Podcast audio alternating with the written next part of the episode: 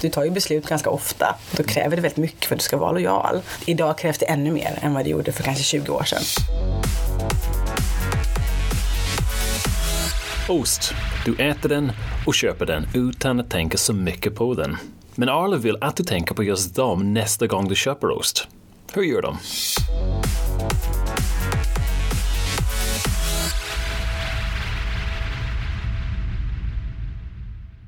Anja Kempe, Senior Brand Manager, Ost på Arla Foods.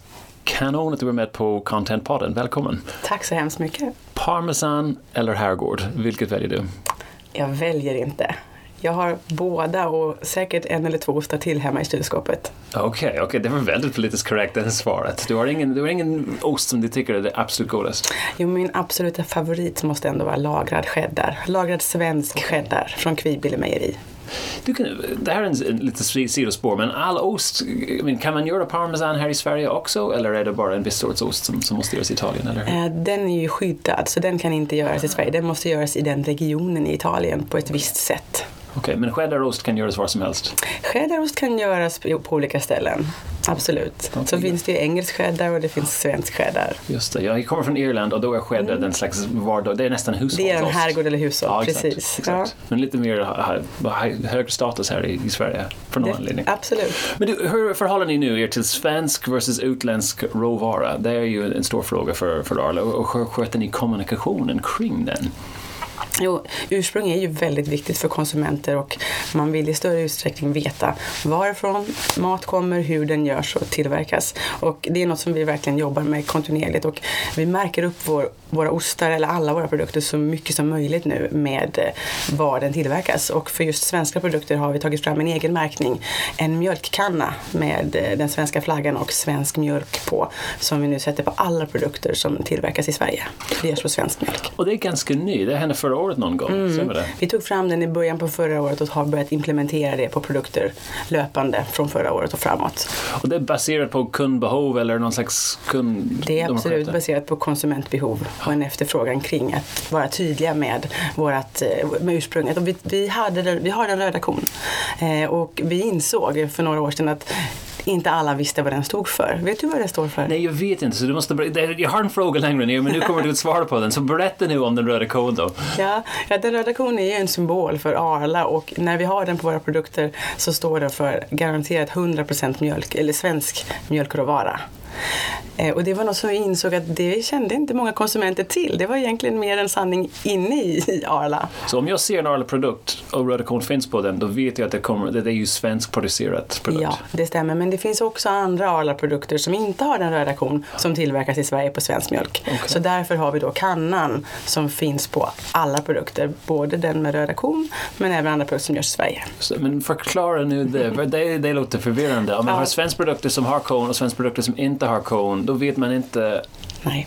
Då... Det bottnar i att en röda kon inte är en ursprungsmärkning utan det är ju våran, våran symbol, Arla, den röda kon. Så det är ett varumärke som vi har. Eh, men vi har ju även andra produkter som inte har varumärket den röda kon som görs i Sverige. Och därför behöver vi då ha en kompletterande märkning som just är enskild ursprungsmärkning. Och det är för att vara så tydliga som möjligt. Men berätta lite om ursprung. När det gäller mjölk, vi vet att folk är väldigt lojala. De vill gärna köpa svensk mjölk. Men när det gäller ost så är de inte lika lika lojala. Hur, hur gör ni där? Nej men det stämmer. Det är, det är nog, jag tror det är ungefär var tredje ost som säljs idag i Sverige, eller i osthyllan, som är importerad. Eh, och det finns ju många förklaringar till det skulle jag säga. Dels finns det ju en stor osttradition i många andra länder som, som i Frankrike eller Schweiz och Italien som du nämner med parmesan till exempel som bidrar till att man köper ost som inte görs i Sverige. Eh, men det har också att göra med, med det är en varumärkesfråga sen tidigare och eh, längre bak så när det var en, en annan marknad med mejeriprodukter så fanns Riksost som var ett gemensamt ägt bolag av flera mejerier i Sverige. Där man helt enkelt eh, la in den mjölken som man inte kunde sälja som vanlig mjölk eller grädde. Det vill man göra ost av. Det är egentligen därför vi äter ost för det är okay. ett sätt att, att hantera mjölk eh, som är överskott. Okay. Eh, och då hade vi ett gemensamt bolag, flera mejerier i Sverige, där vi la in överskottsmjölk och producerade ost. Och då var det också uttalat att man inte skulle ha så tydliga varumärken för att favorisera något mejeri. Eh, så då lyftes inte Arla eller Skånemejerier eller Norrmejerier utan det var andra varumärken som Kvibille och Västerbotten som byggdes då. Okay. När hände allt det här och när blev förflyttningen då? Och nu sätter du mig på pottkanten här. jag tror att Riksost upplöstes någon gång under 90-talet. Okay, Eller om det var i slutet på 80-talet kan det varit också. Okay. Så då, då löste man upp det bolaget och delade, liksom, delade upp de varumärkena som fanns. Och då blev det en, plötsligt en fight på marknaden på ost? Då blev det mer konkurrens och då började man också bygga varumärken som till exempel Västgöta kloster för ost. Men sen måste man också bygga upp någon slags eh, prestige kring ost eh, i så fall. Men innan var det riksost, det låter väldigt vardagligt på något sätt. Men om man inte har riksost, nu måste man urskilja Arla-ost mort någon annan ost. Vad, vad har ni gjort? Vad, hur har resan varit för, för Arla? Vi har gjort ganska många olika saker. Vi har ju flera varumärken i vårt portfölj. Vi har ju dels Arla och där har vi då jobbat fram olika koncept, bland annat där vi jobbar med den röda kon och ett koncept som heter lokal tradition. Där vi har våra svenska klassiker som Herrgård, Präst, Grevé och Svesia. Eh, som, där vi vill lyfta fram helt enkelt varifrån mjölken kommer. Det görs på mjölk som kommer från gårdar i Småland och på Öland. Och det görs på Kalmar mejeri och där har vi tillverkat svenska klassiker sedan 1954. Så det är ett, eh, ett arbete vi gör för att kommunicera svensk osttradition helt enkelt. Det är ju ostar som har gjorts i Sverige på samma sätt sedan 1300-talet. Så det finns ju en enorm osttradition i Sverige och kunskap i våra mejerier som vi nu vill försöka lyfta fram mer och mer. Sen har vi andra koncept som familjefavoriter där vi jobbar med, med milda vardagsostar och det är också ett annat sätt. Och sen har vi andra varumärken som Kvibille där vi har ett eget mejeri i just Kvibille, orten Kvibille där vi lyfter fram den passionen som finns i det mejeriet som, där man fortfarande vänder på ostarna för hand till exempel. Okay. Och att försöka kommunicera de, de bitarna är också något vi jobbar med.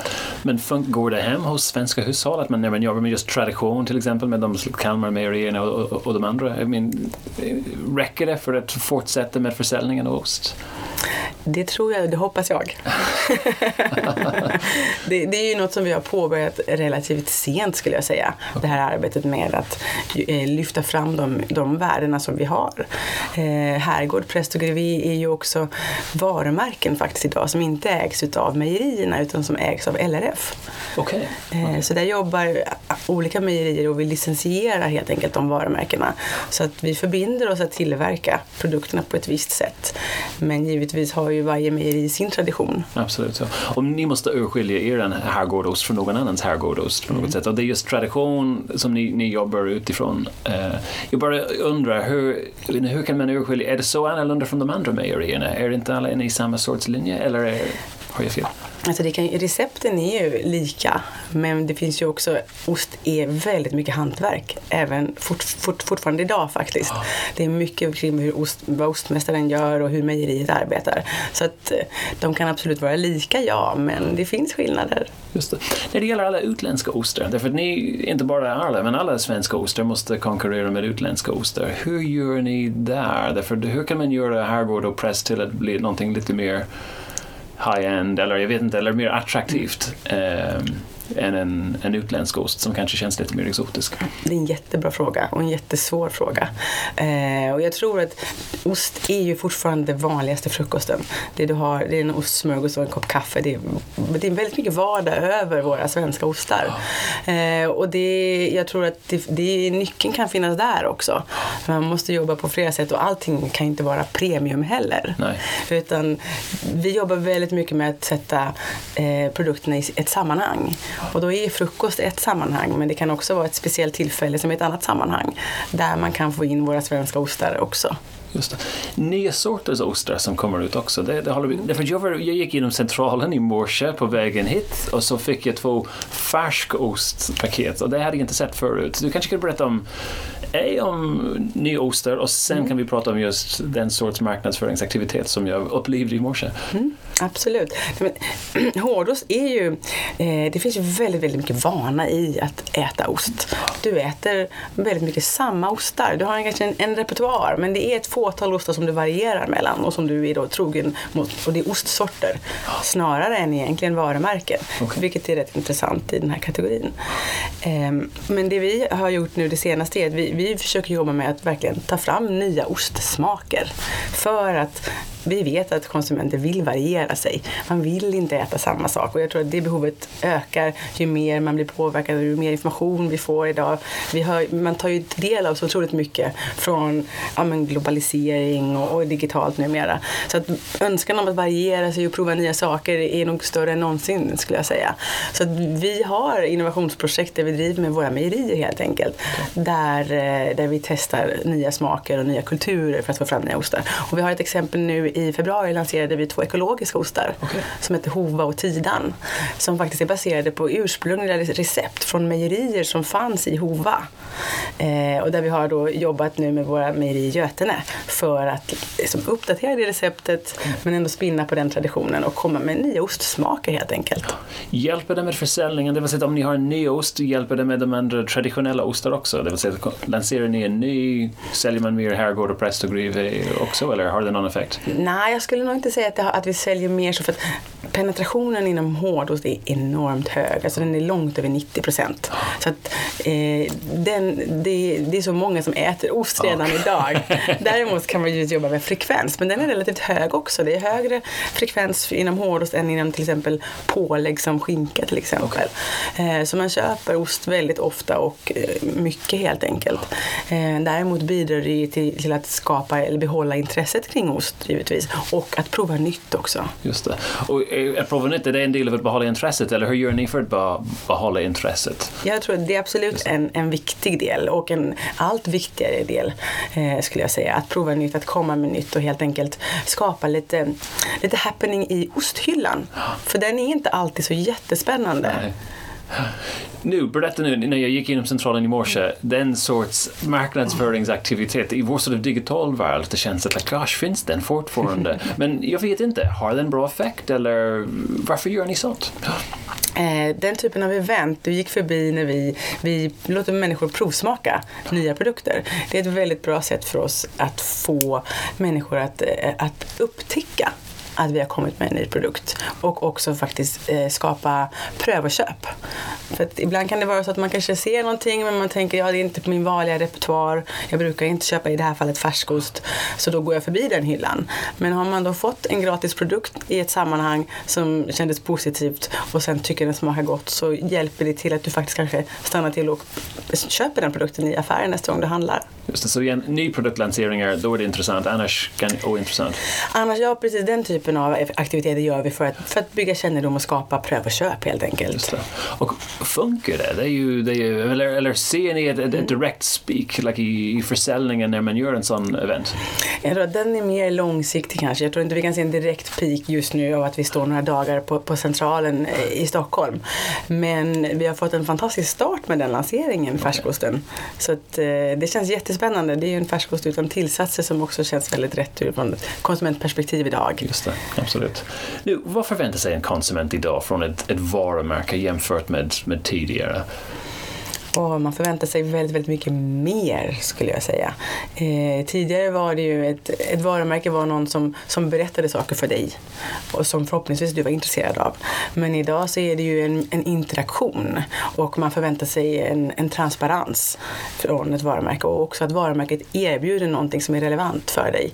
Och det är egentligen inte nytt, för, men, men däremot så är, är vad som är relevant det är väldigt, väldigt, det är mycket högre krav på det idag skulle jag säga. Är det jobbigt? Jag menar, det vill säga, typ på något sätt det kanske var lätt att vara marknadsförare för 20 år sedan, men hur, hur hade, för nu, nu måste ni vara nästan sort of eh, kundservice, you know, customer service samtidigt som en är branding. Hur, hur jobbar ni med det?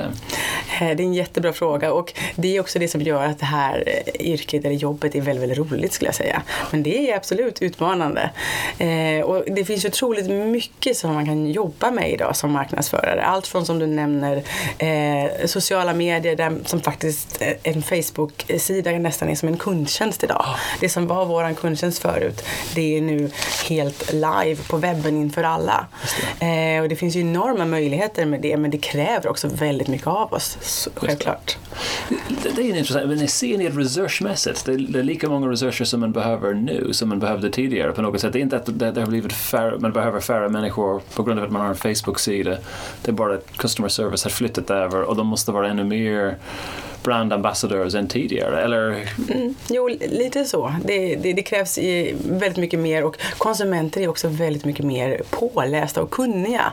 Eh, så det kommer mycket andra typer av frågor också till oss som man ska svara på. Har den ändrats, de sorts produkter ni levererar eller hur ni marknadsför er på grund av att en slags dialog är så mycket tajtare nu mellan konsument och, och varumärken? Ja, jag tänker den här ursprungsmärkningen är ju ett, en sådan konsekvens av en, en dialog med konsumenter och att man kan uttrycka sina önskningar som konsument på ett väldigt direkt sätt till företag idag. Eh, och vi har ju också produktutveckling som inspireras av sådana saker som ja, nya smaker på Yogi till exempel där vi har tävlingar på Facebook där man får vara med och tävla om vilka smaker som som är godast eller som man, vi bör lansera till exempel. Så det bjuder ju in till, till saker som inte fanns förut. Berätta nu om de olika brands. Du nämnde Yogi och ni har inom you know, ost, eh, det finns you know, Grieve och Herrgård och, och sen med smör, Brigott, Bregott, som är Arla. Ni har väldigt många olika subbrands kan man säga under, under Arla. När är det viktigt att använda Arla och när är det viktigt att, att bara använda Yogi eller ja, en viss ost? Eller? Ja, det, det har vi en väldigt tydlig strategi för. Eh, just eh, de produkterna som ligger under Arla-varumärket, de, de har ju en tydlig profil och jobbar mer med kanske matinspiration och hälsa. Syfte till att hjälpa människor att eh, äta gott och hälsosamt till exempel. Sen har vi andra varumärken som fyller andra behov hos konsumenter. Så det är egentligen att ha en bredd i portföljen eh, som det handlar om för att konsumenter har olika behov och det som jag tycker är väldigt spännande idag jämfört med hur marknadsförare i alla fall såg på konsumenter för kanske 20 år sedan. Då när man tyck, tänkte att en konsument var, det här är person A, den har de här behoven och de här attityderna och då beter den personen sig så alltid. Det vet vi ju idag att så är det inte. Du kan vara en typ av konsument på morgonen, du kan vara en helt annan typ av konsument på kvällen eller under dagen. Dina behov är, är olika och då kan det betyda att du på morgonen vill ha en viss typ av produkt som ett varumärke som Arla kanske levererar. Men på eftermiddagen kanske du egentligen är sugen på någonting annat och då är det en annan typ av, eh, av, av produkt du vill konsumera och ett löf, annat löfte du vill ha. Så uh, varför köper man ost? Vad är, det, vad är de huvudanledningar för en konsument att köpa ost överhuvudtaget? Ja, det, det, det, främsta är att det är gott, det är smak, det är gott. Men, men också finns det en aspekt, ett hälsoaspekt i det hela. Det går ju 10 liter mjölk till att göra ett kilo ost. Så det är ju verkligen en koncentrerad vitaminbomb. Du har, det är naturligt rikt på kalcium, det är naturligt rikt på protein.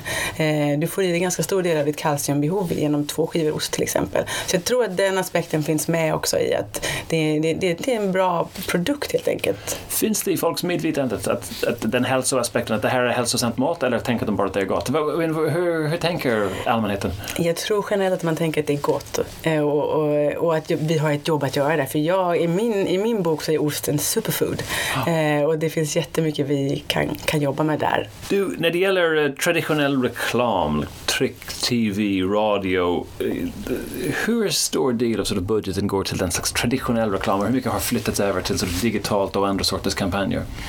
Vi har ju gjort en resa där och vi är på den resan skulle jag säga. Och det är också väldigt olika inom olika kategorier i Arla. Arla är ju ett enormt stort företag. Eh, men, men generellt så sa vi för, för, flera år sedan att minst 15 procent måste flyttas över till digitalt. Eh, nu idag till exempel inom min kategori, inom hårdrost, lägger vi snarare kanske 30 procent minst i genomsnitt. Jag vet inte exakt hur det ser ut på de olika kategorierna men någonstans där skulle jag säga att det ligger och då kanske då knappt 70 ligger på, på tv och utomhus och till viss del radio. Just det. Eh, för, det är ändå en stor del på Absolut. de traditionella kanalerna. När det gäller att bygga räckvidd så, och, och, snabbt få upp en kännedom till exempel så är tv fortfarande ett väldigt viktigt media för oss också när det gäller rörligt så att säga. Just det. Vad ser du för framtiden då? Hur, I mean, den skiften, det känns att det går väldigt fort men ändå 70 procent går in i den traditionella mm. budget för, för er och du är väldigt likt några andra som vi har intervjuat här också på Contentpodden mm. så det, det, är inte så annorlunda men ändå det känns att den skiften måste, det känns som att det går fort men Nej, jag tycker att eh, det går inte tillräckligt fort. Nej, okej. Det tycker jag inte. Eh, och jag tror att det finns många delar i det. Eh, dels är det vi som beställare som, som behöver driva det mera och vi har också eh, byråer som vi jobbar, kreativa byråer som vi jobbar med till exempel. Det som är den stora svårigheten här nu är att vi kommer ju från en, en, en tradition där man har kunnat utveckla en 30 sekunders TV eh, och vet bra nu köper vi de här eh, flighterna i, i TV. Då får vi den här TRPn och vi kan nå de här personerna x antal gånger under den här perioden. Vilket har varit ett väldigt tryggt sätt att, att Ja. kommunicera på och köpa media och utveckla media på. Däremot så eh, nu behöver vi ju bli bättre på att ta fram innehåll mycket billigare. Ja. För vi kan inte ha sådana stora produktioner och dyra produktioner för att vi måste utveckla innehåll oftare. Det är en det. iterativ process nu när man har en helt annan dialog med konsumenten i de digitala medierna. Och jag tror att det är den eh, transition, om man säger Just så, det. så, som går, det tar tid helt enkelt för att det är så många aktörer som Just det. behöver ställa om. Ja, exakt. Och tryggheten med att kunna få en bra resultat från en TRP till exempel. Japp, Mätningen är också en stor, inte bov ska jag inte säga, Nej. men en stor utmaning i det hela. Exakt. Och, och det här tycker jag också är intressant, för flera eh, marknadschefer har sagt samma sak, att den digitala mätningen är egentligen ganska svårt. Eh, trots att man skulle nästan tro att men, den digitala mätningen måste vara ännu lättare på något sätt. Vi kan se exakt hur många människor har gått in på den här sajten och hur mycket tid de har spenderat och, och allt det där. Men ändå känns det att den traditionella ja, TRP you know, är, är, är lättare att kunna förhålla sig till på något sätt. Hur tänker du?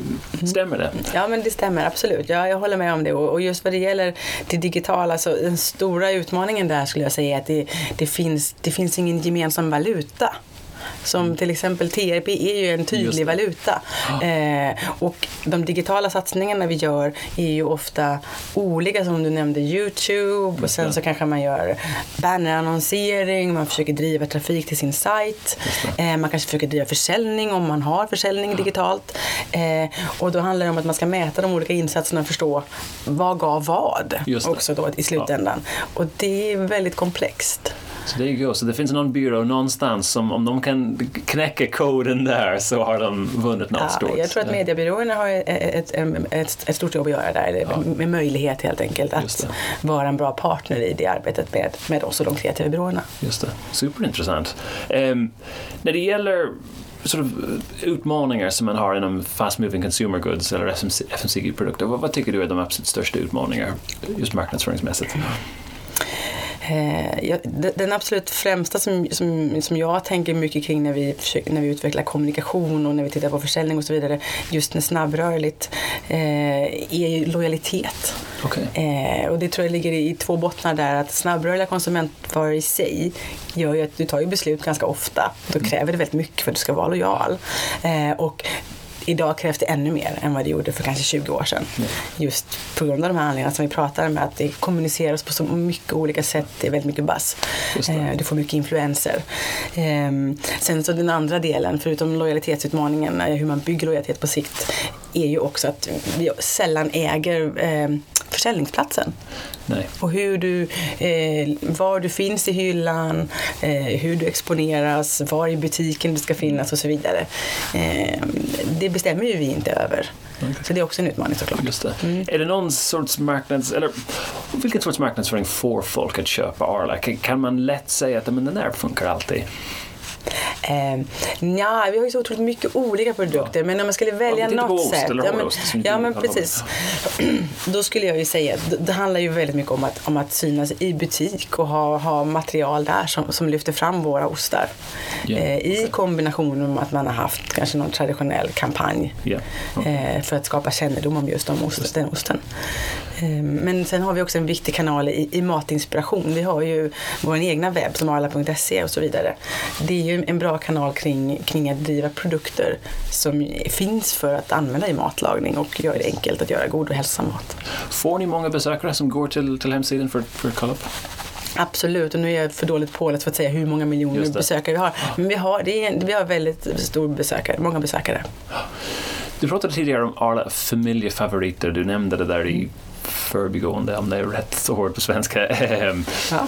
Berätta lite om Arla familjefavoriter. Det, det verkar vara någonting nytt eller är det bara nytt för mig? Jag vet inte. Det, det beror på hur man ser det. det vi lanserade 2013. Okej, så nytt var det inte. Nej, men i ostvärlden kan man väl kalla det nytt Okej. skulle jag säga. Med tanke på att den senaste nya osten kom så här på 60-talet nästan, när Grevé lanserades.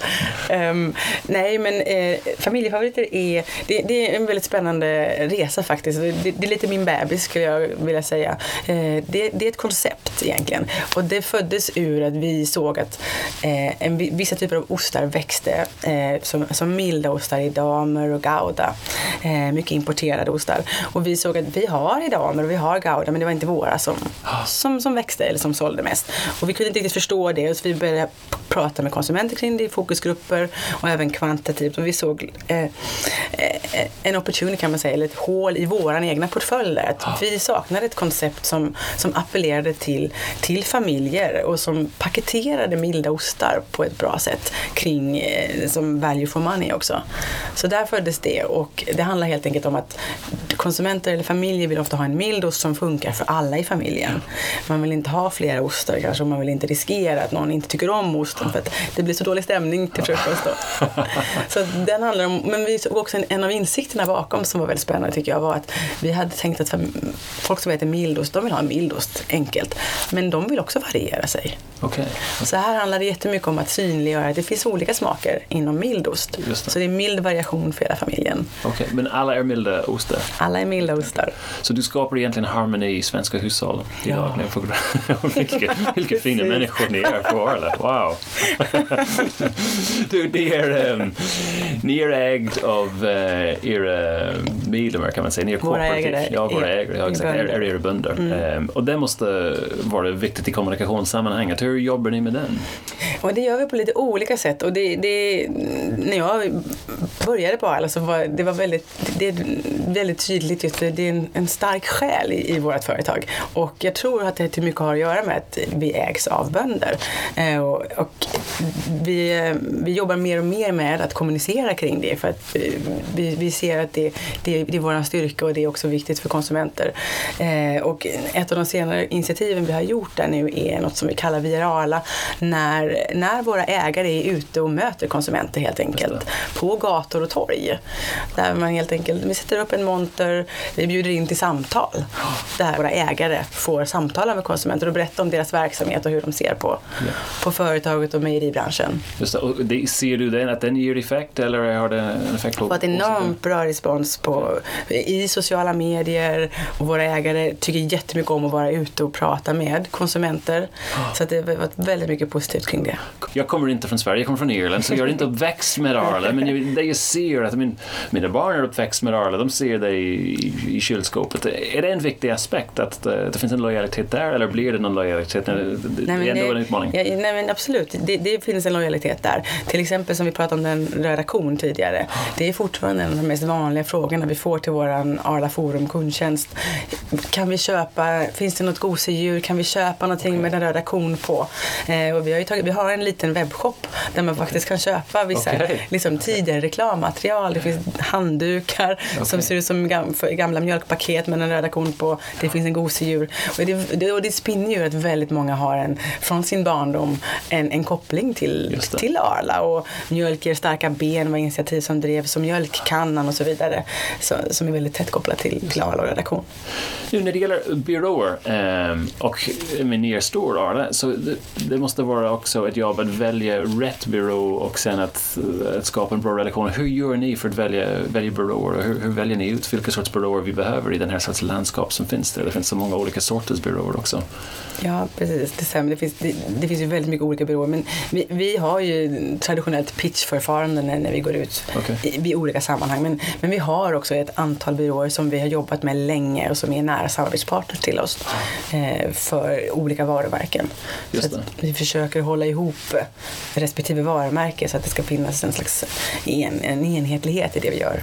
Just det. Men ni, ni vill hålla ett flerårigt sort sort samarbete och helst inte byta in och byta ut folk. Det, I mean, det, det är ju Ja. Där tror jag vi har Ja. olika, olika syn på saker kanske i, även inom Arla. Att det, Ja. det finns ju en fördel att ha eh, ett långt samarbete men man behöver också under årens tid liksom, föra in nya tankar, nya idéer. tror jag är viktigt. Just det.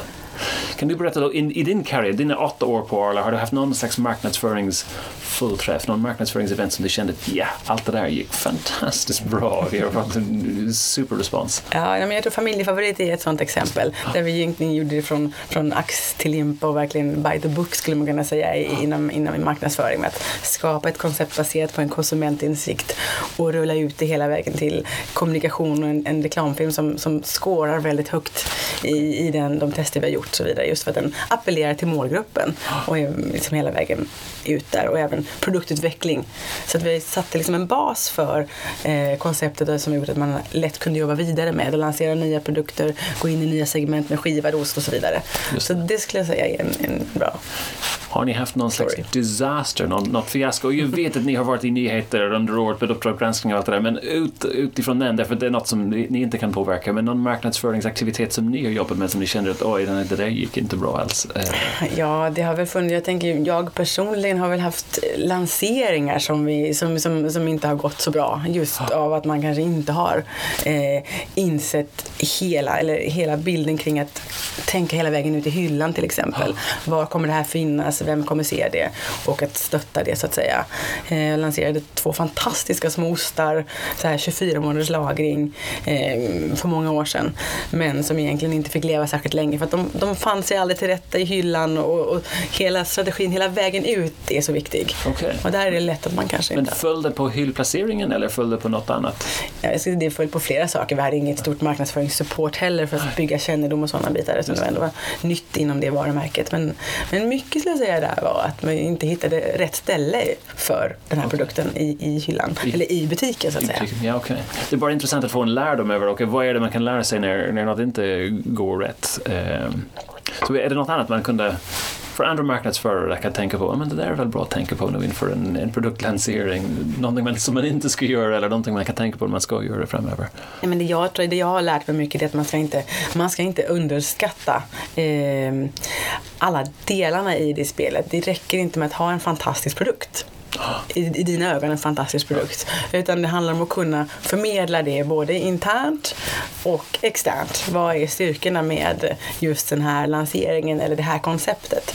Eh, jag tror att många marknadsförare snubblar där just för att vi, vi själva är så insålda på någonting. Och, och kan kanske övertyga några men inte alla hela vägen. Där finns det mycket att tänka kring tror jag. Okej, och är det bara just mätningar med publik eller allmänheten så, så man vet att det kommer att funka eller är det snarare att man behöver en bra budget för att få ut exponeringen? Jag tror det är båda delarna. Ja. Båda delarna. Och också jag tycker mycket att göra, göra färre saker helt enkelt. Våga välja bort och, och, och verkligen liksom ge det man gör en ordentlig chans. Just det. Nu, du ska lyssna på Contentpodden varannan vecka, eller hur? Jag, jag förstår att du Absolut. lyssnar hela tiden. Oh, ja. Vem skulle du höra härnäst i Contentpodden? Åh, eh, det, oh, det finns ju många intressanta och duktiga marknadsförare här ute. Ehm, jag tycker vad som är spännande nu är att det finns många satsningar där olika företag som för mig ibland kan vara lite otippat kommer med väldigt spännande saker. Jag, jag såg den här kampanjen nu som Försvarsmakten gör. Yes. Där de kommer med en träningsapp. Och jag tycker det är så otroligt häftigt för då har man verkligen liksom satt fingret på deras styrka och något som de kan vara väldigt trovärdiga i. Så eh, jag vet inte vad marknadschefen heter där. Eh, men den personen skulle jag jättegärna höra prata om hur sålde man in det? För det är ändå ett stort steg kan jag tänka mig inifrån där. Absolut. Jag håller med. Jag tycker det är jätteintressant och att de satsar mycket. Det är mycket utomhusreklam för Ja. den där appen, vilket Mm. gör att de måste eh, få tillbaka det. Vilket, jag undrar om, den, om de får tillbaka det i Ja, det är därför de måste jätteintressant. Och hur många- man, precis. Sen så tycker jag också absolut att eh, Åsa Kap som finns på Absolut och har startat den här Our Vodka. Det tror jag också är en intressant resa att få höra hur det gick till från början och Bra. hur man kom ut med det. För Ja, det är ett spännande koncept. Då har vi några personer att jaga. Mm. Jag, har en, jag har en sista fråga som man får aldrig i förväg utan att det är en pest eller kolera fråga som du ska um, välja mellan två olika saker. Och nu, eh, vi får se om den här idén funkar, men ehm, Du ska välja mellan, din, din, din chef kommer till dig och säger att Anja, jag har en idé att vi ska ha en kampanj nästa år där all ost som vi säljer ska vara färgad grön. en like, neongrön, kryptonite-grön nästan. Inte förpackningen bara, eller menar du Nej, själva osten, själva osten ska vara grön. Vi tycker det, det blir någon slags kopplat till det, till det här gröna sort of landskapet som vi har.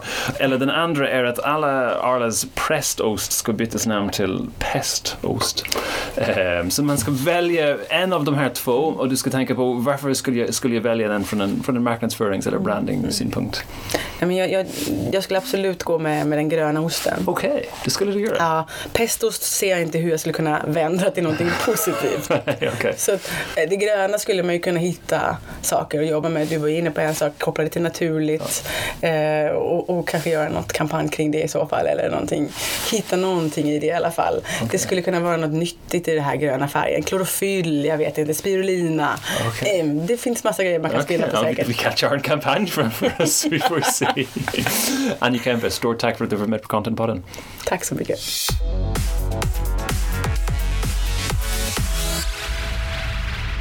You've been listening to Content Podden from the content agency Breed. You'll find us at breedcontent.se. Check us out there and give us a call if you've something to talk about. And we do love ratings and reviews on iTunes, so don't hesitate. Pretty please. Thanks for listening.